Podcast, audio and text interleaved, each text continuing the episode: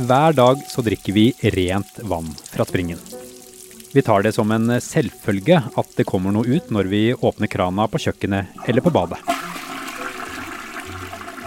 Men hva skjer om det plutselig ikke kommer noe vann ut av springen?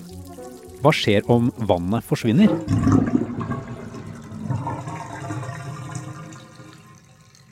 Man skulle kanskje tro at Norges største by hadde en god backup hvis noe skjedde, men Oslo har faktisk ikke det. Og derfor så er også alle enige om at vi trenger en ny plan B. Men det er ikke så lett å få til. Foreløpig har det kostet ett byråd jobben, og blitt kalt en skandale. Etter at mistillitsforslaget mot Lan Marie Berg fikk flertall, gikk det rød-grønne byrådet av. Du hører på Forklart fra Aftenposten, og jeg heter Andreas Bakke Foss. I dag er det tirsdag 24. august. Det jeg ofret år av livet for å få om det gikk an. Det jeg tenker på om dagen, det jeg griner for om natten, det er vann. Vann som risler, vann som rinner. Vann om våren, vann om høsten. Dikteren Nordahl Grieg skrev et av de mest kjente diktene om vann i Norge. Da han var korrespondent i Kina i 1930-årene, så fikk han hjemlengsel der han satt i Shanghai. Og det han savnet aller mest, det var rent vann fra norske fjellbekker. Noe av det vi nordmenn liker aller best å skryte av, er hvor godt vann vi har i springen. Men hva skjer den dagen det plutselig ikke kommer noe mer rent vann? De aller fleste store norske byer har flere vannkilder og flere vannrenseanlegg. Så det betyr at hvis det skjer noe med ett drikkevann eller ett renseanlegg, så kan man eh, koble seg opp på et annet. Men så er det én by som skiller seg ut, og det er Oslo. For her har vi én stor drikkevannskilde og ett stort renseanlegg som forsyner nesten hele byen. Så hvis det skjer noe med dette vannet eller dette renseanlegget, så vil det kunne være veldig krise for veldig mange mennesker. Maria Petrem er journalist i Aftenposten. Hun har undersøkt hva som helt konkret vil skje dersom vannet i Oslo forsvinner. Ja, men eh, det skjer jo ikke, tenker du kanskje. Vel, det er ikke så usannsynlig som eh, du kanskje tror. Oslo kommune selv de regner det som sannsynlig at noe vil skje. Like sannsynlig som en pandemi. Rundt ni av ti innbyggere i hovedstaden i dag får vannet sitt fra samme kilde, nemlig Maridalsvannet. Og drikkevannet det renses på et stort renseanlegg. Oslo kan miste vannet på flere måter. Eh, Maridalsvannet kan f.eks. bli forurenset. Det kan eh, bli rammet av tørke Det, hovedledninger eller renseanlegg kan plutselig svikte. Eh, og alt dette kan handle om alt fra naturskapte forhold til teknisk svikt eller ulykker, eller rett og slett eh, målrettet terror eller sabotasje. Og det har vi faktisk sett et eksempel på, eller et forsøk på i hvert fall, på 70-tallet, da en sint bonde tok turen til Oslo for å helle ut insektgift i Maridalsvannet. Men uh, han ble heldigvis stoppet i siste liten, og det fikk heldigvis ingen store konsekvenser for drikkevannskvaliteten. Men skjer det noe med, med Maridalsvannet, så vil faktisk store deler av Oslo miste vannet i løpet av få timer. La oss si da at noe av dette skjer, og Oslo mister vannet. Hva vil skje da? Oslo kommune har laget et scenario faktisk som viser sånn cirka hva som vil kunne skje hvis eh, krisen inntreffer. Og det de beskriver, er at aller først så vil alle innbyggere få en tekstmelding fra Oslo kommune. Der eh, de opplyser om at det har inntruffet noe alvorlig med drikkevannskilden vår. Og at eh, deler av Oslo vil sannsynligvis miste vannet i løpet av kort tid. Og de oppfordrer også folk til å koke vannet før de drikker det eller bruker det til matlaging. Tre minutter senere kan det komme en ny melding der Oslo kommune skriver at Oslo nå er helt uten vann, og hvor de oppfordrer alle som har mulighet til å flytte ut av sentrum. For hvis drikkevannskilden vår ikke lenger kan brukes, da er det ikke noe særlig å være i Oslo by. Hvis krisen inntreffer og noe skjer med vannforsyningen, vil faktisk alle som bor innenfor Ring 3, dvs. Si ca. 260 000 mennesker, være uten vann i løpet av tre til fire timer. Og det vil få kjempestore konsekvenser for hverdagen vår. Eh, blant annet vil vi jo da plutselig stå uten kloakk. Og uten kloakk så vil jo toalettene våre slutte å fungere. Eh, for uten vann så vil jo rørene tette seg til. Eh, og det betyr at eh, alle som bor innenfor Ring 3 faktisk vil måtte gå på do i poser. Nå har da Oslo kommune plutselig fått en helt ny oppgave i fanget. For ikke bare må de samle inn vanlig søppel og avfall, men de må også faktisk eh, samle inn alle innbyggernes doposer.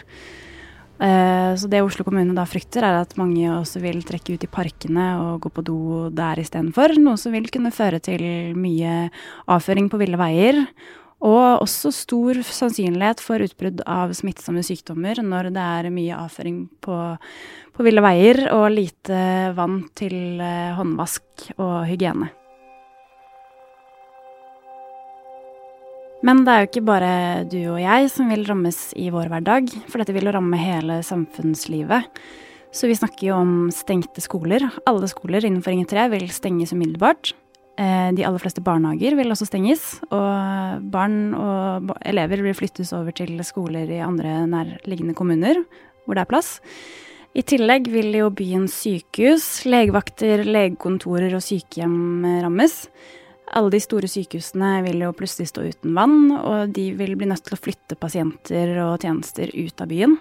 Det samme gjelder legevakten og legekontorene, mens eh, kommunen regner med å ville prioritere sykehjem og andre sårbare grupper eh, når det gjelder nødvann. For kommunen har jo en slags eh, løsning for nødvann, hvor de vil kjøre store tankbiler med nødvann til de som trenger det aller mest.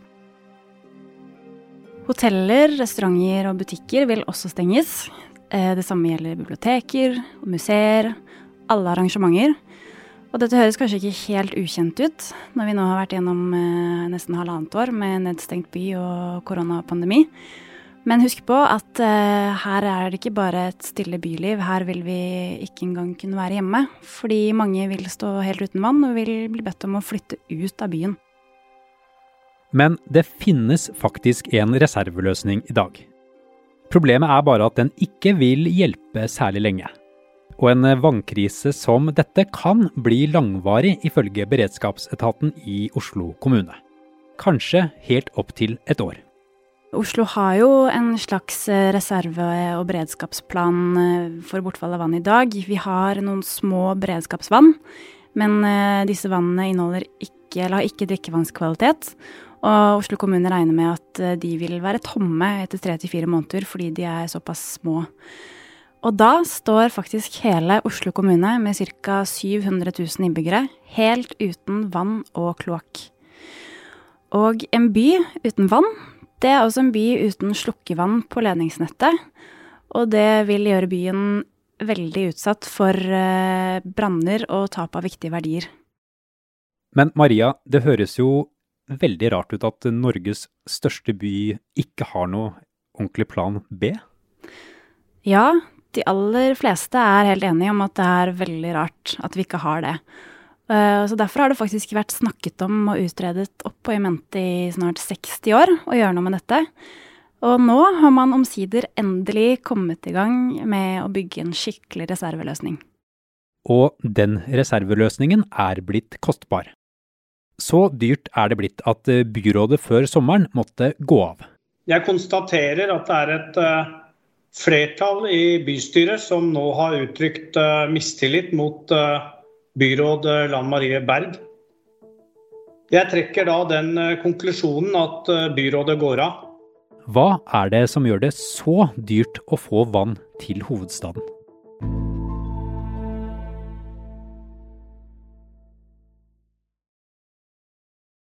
Alle er enige om at det ikke kan skje at Oslo står uten drikkevann. Og alle er enige om at Oslo trenger en ny reservevannforsyning. Og at det haster. Derfor har Mattilsynet pålagt Oslo kommune å skaffe reservedrikkevann innen 2028. Og nå er den jobben i gang. Det er den største enkeltinvesteringen Oslo kommune har gjort noen gang. Dette er jo et kjempestort og veldig komplekst og komplisert eh, prosjekt. Men eh, for å prøve å si det litt enkelt, så er prosjektet delt i to.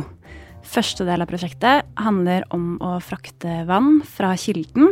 Kilden er en av de sørlige fjordarmene i Tyrifjorden.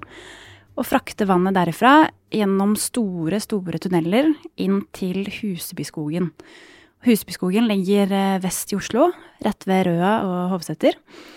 Her skal vannet renses i en gigantisk underjordisk eh, rensehall på størrelse med ti ganger Oslo rådhus. Og herifra så skal eh, vannet fraktes ut i byen gjennom like store vanntunneler. Så det skal bores tunnel altså hele veien fra Kilden, Holsfjorden, inn til Huseby og videre inn til sentrum under eh, steder der mange av oss bor. Ehm, for å frakte vannet ut på ledningsnettet og ut til hele byen. Hvordan er det denne boringen eh, foregår i praksis? Denne boringen foregår ved bruk av det som kalles for tunnelboremaskiner gigantiske boremaskiner som egentlig ser litt ut som kjempesvære mekaniske meitemarker. Med store tenner foran som spiser seg vei gjennom eh, jord og stein og masser langt under bakken. Og slipper steinene ut bak seg og lar det ligge igjen, mens den meter for meter borer tunnel. Så denne meitemarken den vil spise seg vei under jorden hele veien fra Holsfjorden til Huseby, og videre under byen vår, hele veien fra Huseby til Sagene, og videre i retning Disen. Og alt dette blir dyrt. Det er alle innforstått med. Men prislappen den er blitt mye høyere enn man så for seg. Så høy at det første byrådet til Raymond Johansen, bestående av Arbeiderpartiet, SV og MDG, måtte gå av i juni. Den første delen av prosjektet ble 5,2 milliarder kroner dyrere enn først antatt. Bystyret hadde ikke tillit til byråd Lan Marie Berg, som hadde den politiske styringen av prosjektet. Eh, men eh, sånn ble det dessverre, og nå vil bare MDG gjøre alt det vi kan eh, for å sikre at det rød-grønne byrådet kan gå på igjen så raskt som mulig. Også del to av prosjektet, det som skal frakte vannet rundt i byen, ligger an til å bli mer enn 7 milliarder kroner dyrere enn tidligere anslått. Det betyr at anslagene for eh, prislappen for hele prosjektet har økt fra totalt 14,7 milliarder kroner til nesten 27 milliarder kroner. Hvordan kunne det bli så mye dyrere enn det som var planen? Det koster jo alltid mye når man skal eh, bore så mye under bakken og bygge så mye underjordiske systemer som det man skal gjøre her. Men eh, grunnen til at det har blitt eh, så veldig mye dyrere, handler om flere ting. Det handler bl.a. om at tidsfristen er ganske kort. Mattilsynet har pålagt Oslo kommune å ha hele forsyningen klar til 1.1.2028. Og det setter Oslo kommune under et ganske stort tidspress. Um, I tillegg så handler det om at uh, markedsprisene har steget. Disse meitemarkene, altså disse tunnelboremaskinene, de er uh, veldig ettertraktet. Det er mange som vil bruke dem. Og uh, det fins relativt få av dem i Norge i dag. Og det gjør at det har blitt dyrere enn det Oslo kommune først trodde. Det er hard konkurranse, rett og slett? Det er veldig hard konkurranse, og det at det er så kort tidsfrist, gjør nok også at prisene presses opp. Så la oss si da at i 2030, to år etter at reserveløsningen eh, skal være på plass, da kommer det en sint bonde og heller masse insektmiddel ut i Maridalsvannet. Hva gjør vi da? Da vil man kunne koble Maridalsvannet ut av ledningsnettet og koble på Holsfjorden. Og på den måten vil Holsfjorden, vår nye reservevannløsning, eh, kunne forsyne hele Oslo med rent drikkevann. Så da slipper vi å bæsje i poser. Da slipper vi å bæsje i poser.